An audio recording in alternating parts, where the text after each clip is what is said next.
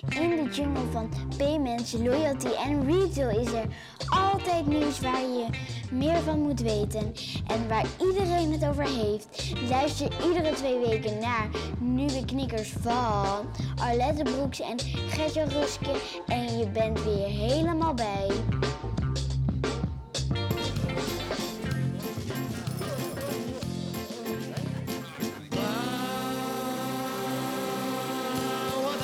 Zo, het is 5 december. We gaan de hele dag Sinterklaasliedjes draaien. Superleuk. En, Mocht je nog niet moe zijn, wij zijn Nee. nu nog gewoon in Sinterklaasstemming. en ik dacht, laat ik met daar wordt aan de deur geklopt beginnen. Zo. Eh, want, ja, en, eh, Apple Pay is live in België. Hoera! Ja, het is toch gebeurd. Helaas niet de Benelux, maar ze zijn live. Eh, Dat is volgens mij goed nieuws. Ja, dat is zeker goed nieuws. Ze zijn er bijna. Ze zijn er bijna. Oké. Want letterlijk, er wordt dus aan de deur geklopt in Nederland. Er wordt aan de deur geklopt in Nederland. Ja, maar goed. Nog niet hard genoeg, denk ik. Eh, maar we gaan het afwachten. Ehm, nou, laten we even terugkijken wat er eh, afgelopen week allemaal gebeurd is. Of wat we beleefd hebben. En, wat, en wat we beleefd hebben, absoluut. Want eh, jij bent uiteindelijk over je koudwatervrees heen gekomen, hè? heb ik begrepen. Nou, het was eh koudwaterrace, was nog steeds een beetje. Want eh, ik stond in de winkel inderdaad bij de ICPG in eh Amstelveen. Ja, dus Peconic deel 2. Ja, deel 2. en daar stonden, ik werd omringd door een aantal dames daar zo. En ik denk, ik ga het toch proberen. Dus ik moest een cadeautje kopen voor mijn moeder. En ik heb uiteindelijk gevraagd, kan ik met Payconic betalen? Ze kenden het niet. Uh-oh. En ik denk, ja, nou laat maar dan. Dus ik heb gewoon Apple Pay betaald. En, maar toen zag ik tijdens het betalen met Apple Pay een QR-code op het schermpje van de, terminal. Ja, van de pinterminal. Dus Ja. ik dacht, weet je, ik koop nog een deootje. en dus ik heb ik- investering. Ja, en eh, dus ik stond met de Payconic app klaar en ik heb wat ontdekt. Vertel. Want ik de- wilde dus die QR-codes scannen die ik op het beeldscherm zag. Ja, Dus ik hield mijn eh, telefoon erbij. En wat gebeurde er? De Apple Pay, Apple Wallet startte eigenlijk op. Want die, want die, je herkent die terminal Je- en die ziet, hé, hey, je wil met NFC betalen. Ja. ja, je telefoon is dicht bij de terminal. Ja. Dus dan krijg je een NFC-reactie. dus de Payconic app was weg. En ik zat in de wallet, dus ik moet, dan kan je wel weer, moet je er weer uit. En dan kan je alsnog eh, die QR-code scannen. Heb ik gedaan. En toen kreeg ik de melding, QR-code wordt niet herkend. Ja. Want ik Ja. heb iets fout gedaan. en de gebruiker Ja. doet altijd iets fout natuurlijk. Ja, nou sterker nog, want wij hebben het hier natuurlijk van tevoren over gehad. Je deed precies hetzelfde fout als wat ik fout deed de eerste keer. Dus ja, Ja. en is twee. Het lijkt me dat dit nog wel Ja. een UX-dingetje is. Ja, want de gebruiker doet in principe natuurlijk nooit iets fout. Nee. Dus, en ik zag geen filmpje in de app hoe het dan wel werkt, maar je moet op die QR-code drukken op het scherm. Nou, daar zou ik echt nooit op Ja. gekomen zijn. Ik ga niet op, op die terminal op een QR-code drukken met mijn Ja, vingers. ja. Dat doe ik niet. Nee, nee, nee, nee. Dus het, het hele proces nog even uitleggen voor de luisteraars, dat ze ook weer weten hoe het ook alweer werkt. Nou, niet te lang hoor. Ik nee, bedoel, niet te lang. nee, ga het maar zelf ervaren. belangrijk. Download die Payconic app en huppakee, ga Je lekker een keer... bij. Bij Amstelveen staan hele leuke gezellige dames. Begin erover, ze weten inmiddels hoe het werkt. Dus daar ga je, ga lekker starten. Maar oké, je moet dus wel met je vingers op de QR-code drukken. Ja, want dan moet je kiezen en dan wordt hij groot. Ja, Tikkie is dit, eh, deze week ook in het nieuws geweest. Het is ja wel een nieuws, hè? Ja, maar wel ook wel met echt wel een nieuwtje waar je best wel trots op mag zijn als Tikkie zijnde. Mhm. Want zij zijn namelijk, eh, staan ze in de top drie van de meest gedownloade gratis apps voor 2018 voor de iPhone. Ze hebben het gewoon top gedaan. Ja, ik heb dat is toch toevallig wel van iets de week, moois. Nou, maar van de week toevallig had ik een. eh, ik maak nog muziek, hè? Ik speel nog basgitaar. En toen heb ik een cd'tje gekocht bij een muzikant. En eh, die jongen die had. eh is natuurlijk altijd gedoe, hè? want eh, die heeft- die, neemt zijn hele lading vol met cd's mee en dan moet hij gaan verkopen. En er is natuurlijk altijd, ja, niemand heeft contant bij zich. Ja. En hij had net, geleerd, net Tikkie ontdekt. Hij was er echt super blij mee. Dus ik kon hem maar gewoon via Tikkie betalen. Nou, Ja. Heel handig. Nou, en Tikkie heeft nog iets wat ik nog wel graag even wilde benoemen. Want ik was bij de HEMA afgelopen week. En daar kon je cadeautjes laten inpakken. En dan kon je meteen ook een donatie doen aan het goede doel. Mhm. En eh, zij deelde ook flyertjes uit met daarop een hele mooie QR-code van eh Tikkie. Mhm. Die kun je scannen. Kun je ook gewoon scannen met de eh, camera op je iPhone. Oké. En dan ga je meteen naar de donatiepagina, waar je dus met Tikkie zelf een bedrag kan kiezen en dan een donatie kan doen.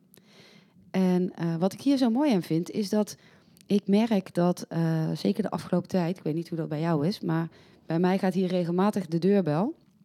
En dan komen er mensen die een donatie vragen. En ik heb eigenlijk eh, inmiddels besloten dat ik liever aan heel veel verschillende doelen een beetje doneer, dan aan één doel eh, heel veel. Mhm. Eh, dus ik ehm, ben principieel van de eenmalige donaties. Oké.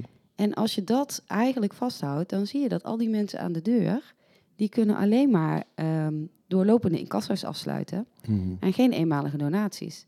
Terwijl je eigenlijk ziet dat met zo'n simpele QR-code als Sticky zou je dat dus al kunnen ondervangen. Ja. Ik weet dat er meerdere oplossingen zijn om met QR-codes donaties te doen.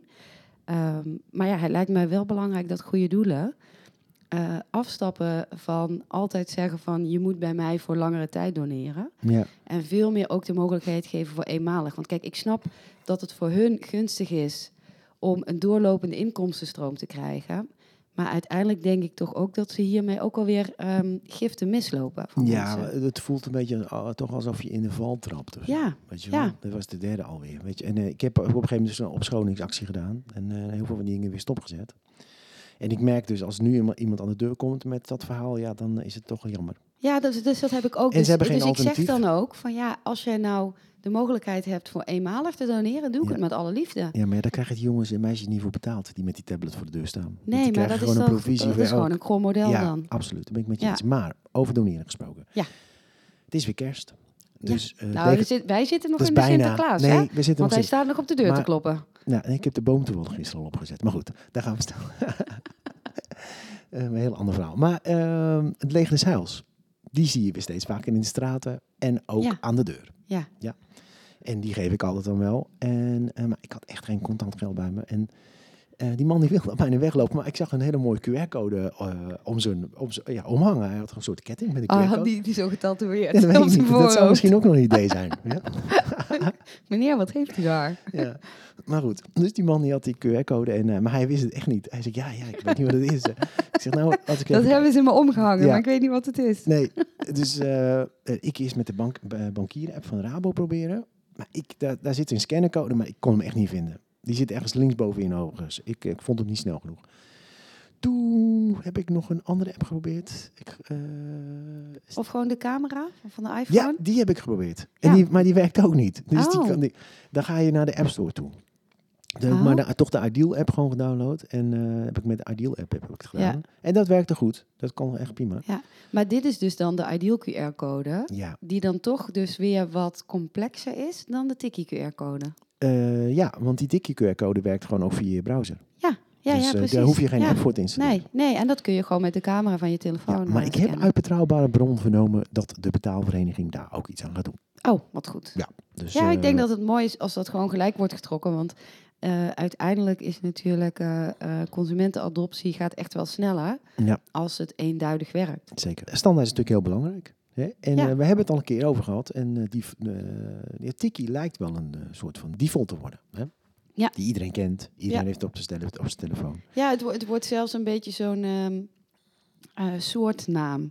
Net Ja. zoals dat Nou, dat de- paracetamol een Ja. soortnaam is. Nou ja, hè? wat- Van, van merk ontstaan naar categorie eigenlijk. Wat we zeiden toch? Hè? De, van, mijn bank heeft ook Tiki. Dat, dat is een beetje... Ja. Ah, ja. Oké, genoeg daarover. Ja, en dan hebben we nog... ehm, eh, we maken even een, een bruggetje naar de ehm, retail, online supermarkten. Oh ja, online super. Online supermarkten. We doen even iets heel anders. Eh, want eh, op eh, tv komt het nu eh, regelmatig voorbij. Crisp.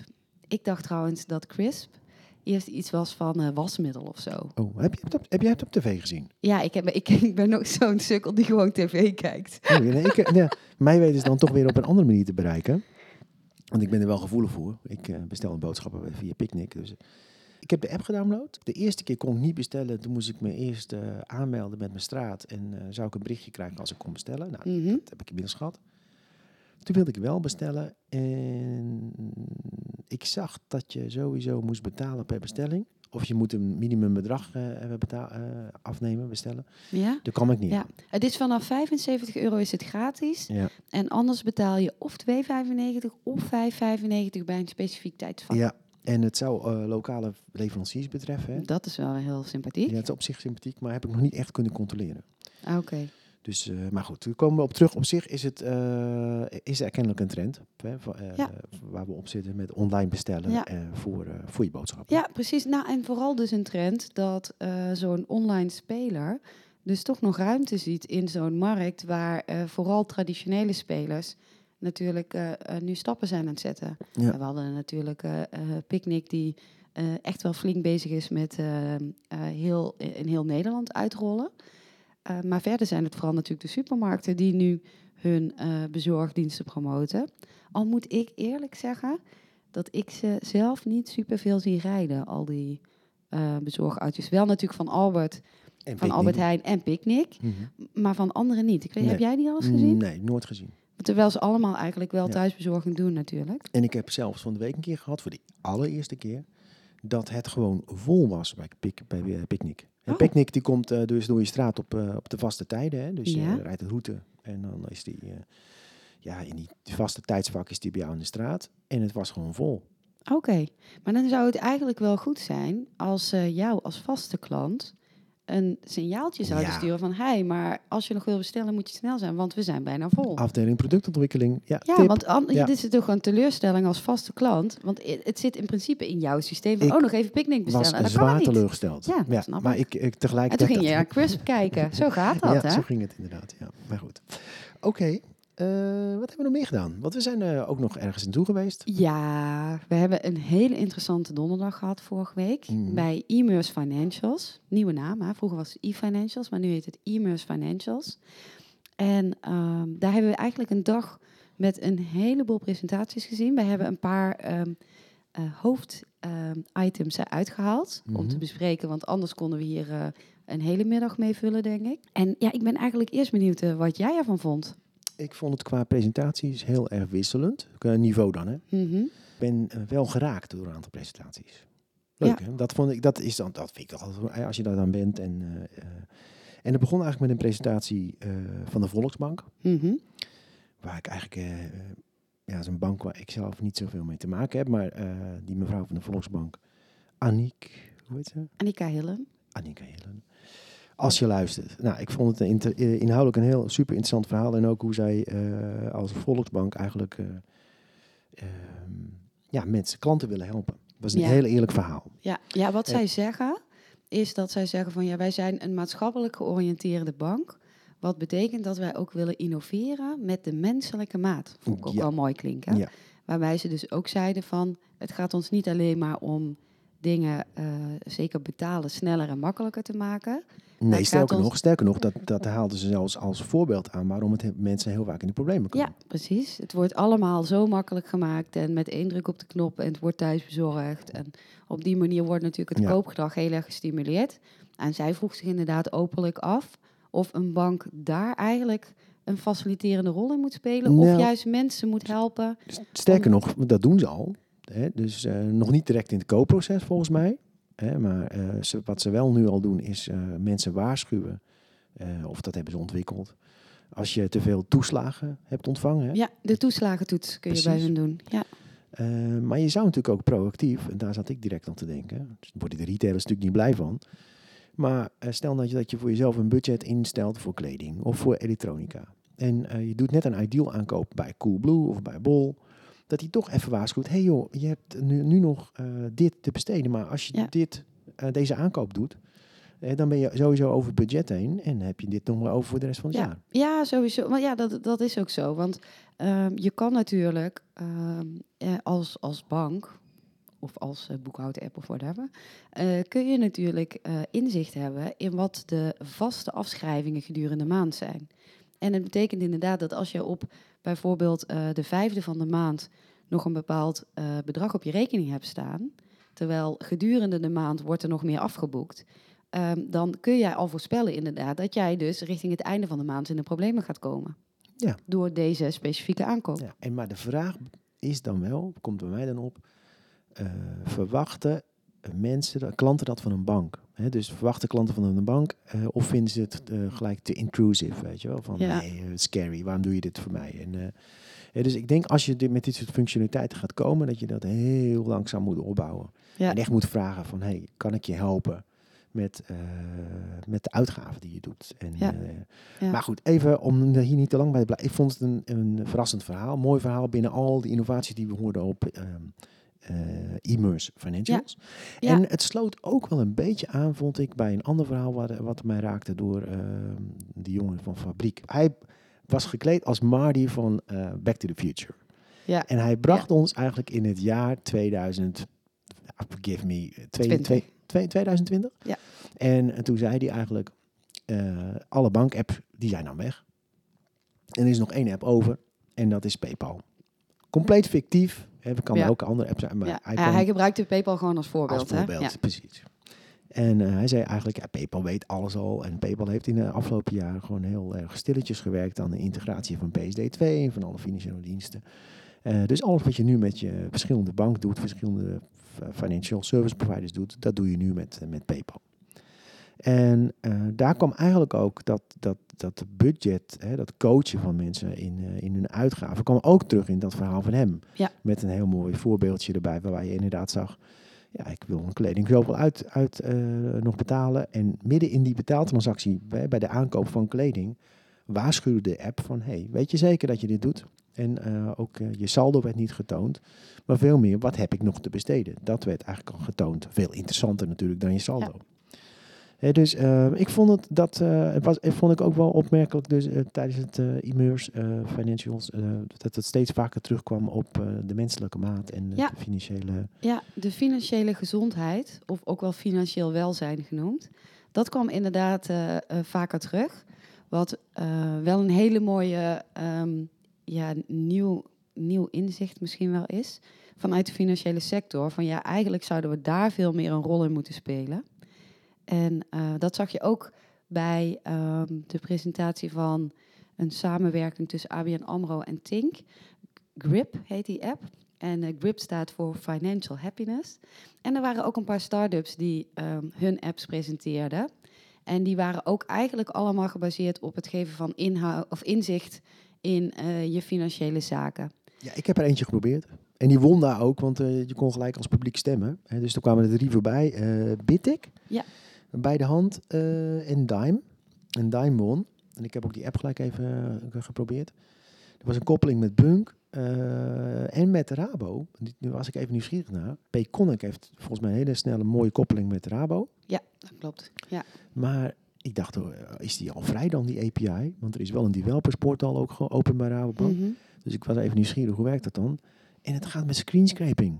Oh, Oeh. oké. Dus wat je moet doen, eh, ze laten je, ze loggen, je, je logt eigenlijk in. Eigenlijk ga je inloggen via hun. Eh, die je moet ook eh, gewoon de, de, de scanner gebruiken, de Rabo-scanner gebruiken. Ja, Maar zij leggen, loggen voor jou in. ja. Dus ehm, ik weet niet, eh, volgens mij was dat, mocht dat nooit. Nee. Maar Nee. goed, Nee, eh, eh, dat is één, hè, mocht het nooit. En twee is natuurlijk een beetje de vraag van hoe informeren ze klanten daarover? Ja, kijk, het is aan de ene kant handig, want dan heb je dus een koppeling gemaakt. Maar aan de andere kant is het natuurlijk wel een dingetje. ja, maar goed. eh, ik denk dat zij ook eh, wat dat betreft een beetje voor uitlopen op wat Ja, gaat precies, komen dat dit misschien de PSD2. tijdelijk is. Het is gewoon tijdelijk, denk ik. Ja, En eh, nu kun je in ieder geval roepen dat je gewoon live bent natuurlijk. En het werkt Ja. wel, want ne- netjes al mijn transacties werden ingelezen en werden netjes gegroepeerd. Hè, dus eh, je kon, ik had dan heel snel een overzicht wat je uitgeeft. Ja. Ehm, en waar ze ook een beetje in, op inspelen is dat veel mensen eh, sluiten tegenwoordig natuurlijk abonnementen af. Een abonnement op Spotify, je hebt een abonnement op Netflix, een abonnement op een andere streamingdienst. En het, het is een opeenstapeling van abonnementen. ja, die En- eigenlijk op de achtergrond allemaal een beetje doorsluimeren. Ja, dat gaat maar door. Ongemerkt. Exact. Ehm, en eh, eh, ja, zo wat zij beogen is ook een beetje kijken van eh, jouw inzicht geven in wat heb je dan voor abonnementen en je ook van advies kunnen dienen als het misschien een keer voordelig is om over te stappen naar een andere partij. Ja. En wellicht gaan ze het in de toekomst zelfs wel voor je faciliteren. Dat zou natuurlijk ook mooi zijn. Ja. En wat ik mij daar ook afvroeg en die vraag heb ik daar ook gesteld. Ik heb zelf heel veel abonnementjes lopen via de App Store. Hè, en een abonnementje op Sleep Cycle, een abonnementje op Runkeeper, een abonnementje op, eh, op eh, de muziekdienst van Apple. Ehm, en die zie je natuurlijk helemaal niet terug eh, als individuele transacties op je rekening afschrijft. Nee, want die worden via je creditcard of via je PayPal-account gebundeld van je rekening Ja, afgeschreven. Ik denk dan, hè, waarom staan die banken dan ook niet op tegen die app, app stores en play stores en gaan ze daar amok over maken? Dat moet eigenlijk ook gewoon open. Ja. Eigenlijk moet Apple ook gewoon een stekker aanbieden aan bedrijven die kunnen zeggen, joh, je kan hier, want het zijn gewoon, het zijn gewoon financiële transacties, hoe je het Ja. ook went of verkeerd. Ja. En eh, het kan eh, ook weer hele mooie apps tot eh, opleveren die heel, heel mooi inzicht geven. En ja, dit geef je uit aan games of aan muziekabonnementen of filmabonnementen. Ja. Dus eh, banken, maak daar amok over. Want het is eigenlijk heel gek. Dat, eh, de banken worden natuurlijk eh, overladen met regelgeving, wet en regelgeving. Om open te Om zijn. open te zijn. En vervolgens hebben we allemaal Google Play Store, Apple, met de App Store. Waar ook allerlei financiële transacties plaatsvinden. En waar je diensten afneemt. En vervolgens is daar geen stekker beschikbaar bij Google. Nou, misschien is die trouwens daar wel, dat weet ik eigenlijk niet. Maar ik heb er nooit over gehoord. En bij Apple weet ik zeker dat die stekker er niet is. Ja, Dat ik al die eh, transacties eruit kan lezen en eh, daar ook iets mee kan doen. Als ik bijvoorbeeld een app aan het maken ben met, over personal finance management. inderdaad. Oké, Wees open. wees open. Ja, er was nog een ander opvallende rode draad bij Immers Financial vorige week. Mhm. En dat ging over, ehm, ja, het werd aan de ene kant wel feature red race genoemd, maar het werd ook heel erg genoemd als ehm, dat banken zijn vooral heel erg bezig met te vertellen wat de specs zijn van hun producten. Dus als jij online, een mooi voorbeeld, als jij online gaat zoeken naar een autoverzekering, ik zou zeggen, ga het allemaal een keer proberen, dan zie je overal vergelijkbare beschrijvingen van, nou, dit zit erin, dat zit erin, dat zit er niet in. Zoveel kost het, je kan daarvoor kiezen, je kan daar niet voor kiezen. En als jij dan dus zelf een eh, autoverzekering wil uitkiezen, ja, daar kun je gewoon een hele studie van maken. Kun je een hele week eh, overzichtjes maken in Excel en gaan vergelijken. Dus daar word je knettergek van. Nou, Independer heeft dat natuurlijk al heel goed begrepen. Dat mensen er behoefte aan hebben om makkelijk dingen te vergelijken. Maar er was ook nog een ehm, presentatie eh, en dat ging over robo-advies. Hele leuke, vlotte presentatie. Heel veel, heel, heel leuk. Ja, Inspirerend. Het Ja. ging echt over, ehm, ook ja, het weer eh, stereotyp genoemd, maar zeker niet ontkennen, de millennials, die eigenlijk niet snappen waarom ze dat allemaal zelf moeten gaan uitzoeken. En die eigenlijk gewoon veel meer een vraag willen stellen. Ja. Van, ei, je kent mijn situatie, ik heb nu een auto gekocht, what's next? Ja. En dat van daaruit gewoon duidelijk wordt gemaakt van, nou, dan zou je deze verzekering moeten gebruiken, daar zit dit en dit in, Mhm. zoveel kost het en hier kun je hem afsluiten. Ja. En eh robo-advies kan daar gewoon een hele goede rol in gaan spelen, Mhm. zodat je eh, het vervelende uitzoekwerk eigenlijk overlaat aan eh, de software. Ja, en wat zij ook aanhaalde, vond ik ook grappig, want je had het over die feature red race. Die banken zijn helemaal dus niet bezig met het bedienen van de klant. Hè, want eh, ja, de ene bank heeft die feature, oh dan moeten wij ook snel die feature. Ja, precies. In plaats van bijvoorbeeld samen te werken op die feature, want je bent eigenlijk alweer bezig om iets aan het bouwen. Terwijl, ja, het kost je zoveel uur. Nou, nou eh, Tikkie is misschien een mooi voorbeeld. Eh, Tikkie kwam Ja. met de betaal, eh, betaallink. Ja. En ja, oké, er was ongetwijfeld andere partijen. Geen enkel idee is uniek. Dus misschien waren de andere partijen ook lang mee bezig. Maar zij waren er succesvol mee met die betaling. En iedereen moet in één keer ook een betaling. Dus dat kost je wel allemaal effort. Hè, want je moet er ontwikkeluren in stoppen. Ja, die had je ook kunnen stoppen in andere dingen. Echt om de klant weer een stap verder te helpen. ja, je in, kunt je- in plaats van elkaar steeds nadoen. Ja, en Ja. eh, bedoel, Tikkie bestaat al. Dus daarmee is de klant al geholpen. Ja. Maar ja, dat is niet van mij. Dus dan moet ik het ook gaan bouwen. Ja. dus ehm, Ja. Dat, dat vond ik ook wel grappig. Hè? Dat, je kan ook ze- zeggen, nou, Tikkie is zo succesvol. Dat ga ik incorporeren. Of ik ga met Tikkie samenwerken. Of weet ik van wat. Ja. Maar de, de, de- daar hoef je eigenlijk geen energie meer aan te in te steken. Want daar is de klant al mee geholpen. Ja. Ja, precies. Nou, en dat is eigenlijk wel een heel mooi bruggetje naar iets anders, eh, wat mij in ieder geval opviel. Eh, door de jaren heen, nou, als je zo even terugkijkt, dan een aantal jaar geleden eh, werd eigenlijk eh, op dit soort events geroepen van ja, de ene, de ene groep zei fintechs, dat zijn de vijand en daar moeten we voor oppassen. En eh, de andere kant, de gevestigde orde was dat meestal, die zei dan ja, nee, maar dat wordt toch niks, want die zijn heel klein en wij zijn groot. En, en inmiddels zijn we een paar jaar verder en zie je dat samenwerking tussen fintechs en banken nu het toverwoord lijkt te zijn. Ja, Dus- maar daar is eigenlijk, eh, ik bedoel, eh, daar ben ik, ben- ik zelf dan in mijn carrière al drie of vier jaar geleden mee begonnen. Ja, eh, door de samenwerking op te zoeken met Startup Bootcamp. En veel meer te kijken van hoe kun je nou samen met die, met die startups waar verfrissende ideeën uitkomen, het grote apparaat als de bank verder mee helpen. Ehm, en veel meer te kijken van hoe kunnen wij hun weer een stap Ja. verder helpen. Ja. Ik spreek Maar ja, maar ja, maar ja, jij was daar natuurlijk wel echt een van de voorlopers. Want toen, toen jij daarmee begon, was de rest daar heel kritisch over. En nu zie je dat het veel meer mainstream is. Want nu wordt eigenlijk gezegd van, eh, nou, fintechs die hebben goede ideeën, alleen die hebben niet het netwerk.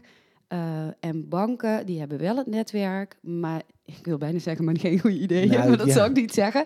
Eh, maar die hebben niet de snelheid Nee. om bepaalde zaken te ontwikkelen. Exact. Dus Dus in die samenwerking eh, kun je dan een gouden combinatie vinden. versterken elkaar. Ja, inderdaad. inderdaad. Nou ja, eh, inmiddels, omdat iedereen het een paar keer heeft uitgeprobeerd, merk je ook dat iedereen onderkent dat er ook wel bepaalde uitdagingen zijn. En, eh, want op het moment dat een bank ehm, legal afstuurt op een fintech, dan zie je al snel dat het legal team van de bank uit meer mensen bestaat dan de hele fintech bij elkaar. Ja. Dus eh, ook daar zie je dat er ehm, meer een wederzijds begrip is, hoe dat dan aan te pakken, om uiteindelijk te komen tot een succesvolle samenwerking. Ja, dat is een leercurve, denk ik ook. Hè? Ja. Van hoe kan je er nou voor zorgen dat niet gelijk de afdeling inkoop eh, zo'n eh start-up doodknuffelt. Ja, precies. Maar, en dat is eigenlijk ook wel iets naar wat jij opmerkte eh, tijdens e Ja. Financials. Want je ziet dus de samenwerking tussen die banken en de start-ups, die wordt steeds eh, in, in, intenser. Hè? Dus, dus, dus die, banken die financieren ook natuurlijk allerlei van die start-up programma's. Ja, ja. Maar je ziet dus ook tegelijkertijd dat de samenwerking tussen banken, ja, de interbankaire interbank, samenwerking. die wordt echt minder. Ja, dat klopt. Dat klopt. Dat, eh, dat vind ik inderdaad een hele opvallende ontwikkeling. En ergens denk ik dat die ook zit eh, in, eh, in de beweging van... ehm, eh, er zijn momenten dat je het zelf doet, er zijn momenten dat je samenwerkt. En je merkt nu dus heel erg dat vroeger was het zo... dat op het moment dat jij een nieuwe dienst wilde ontwikkelen... die eh, bijvoorbeeld gekoppeld was aan de betaalrekening... of een nieuwe betaalmethode of iets dergelijks dan moest je dat samen doen met alle banken. Want je kon de, eh, jouw eigen klanten kon je een bepaalde ervaring bieden, maar die kon je niet bieden aan klanten van andere banken. Dus als je het samen ging doen, dan bereikte je een bepaalde standaard. Ja.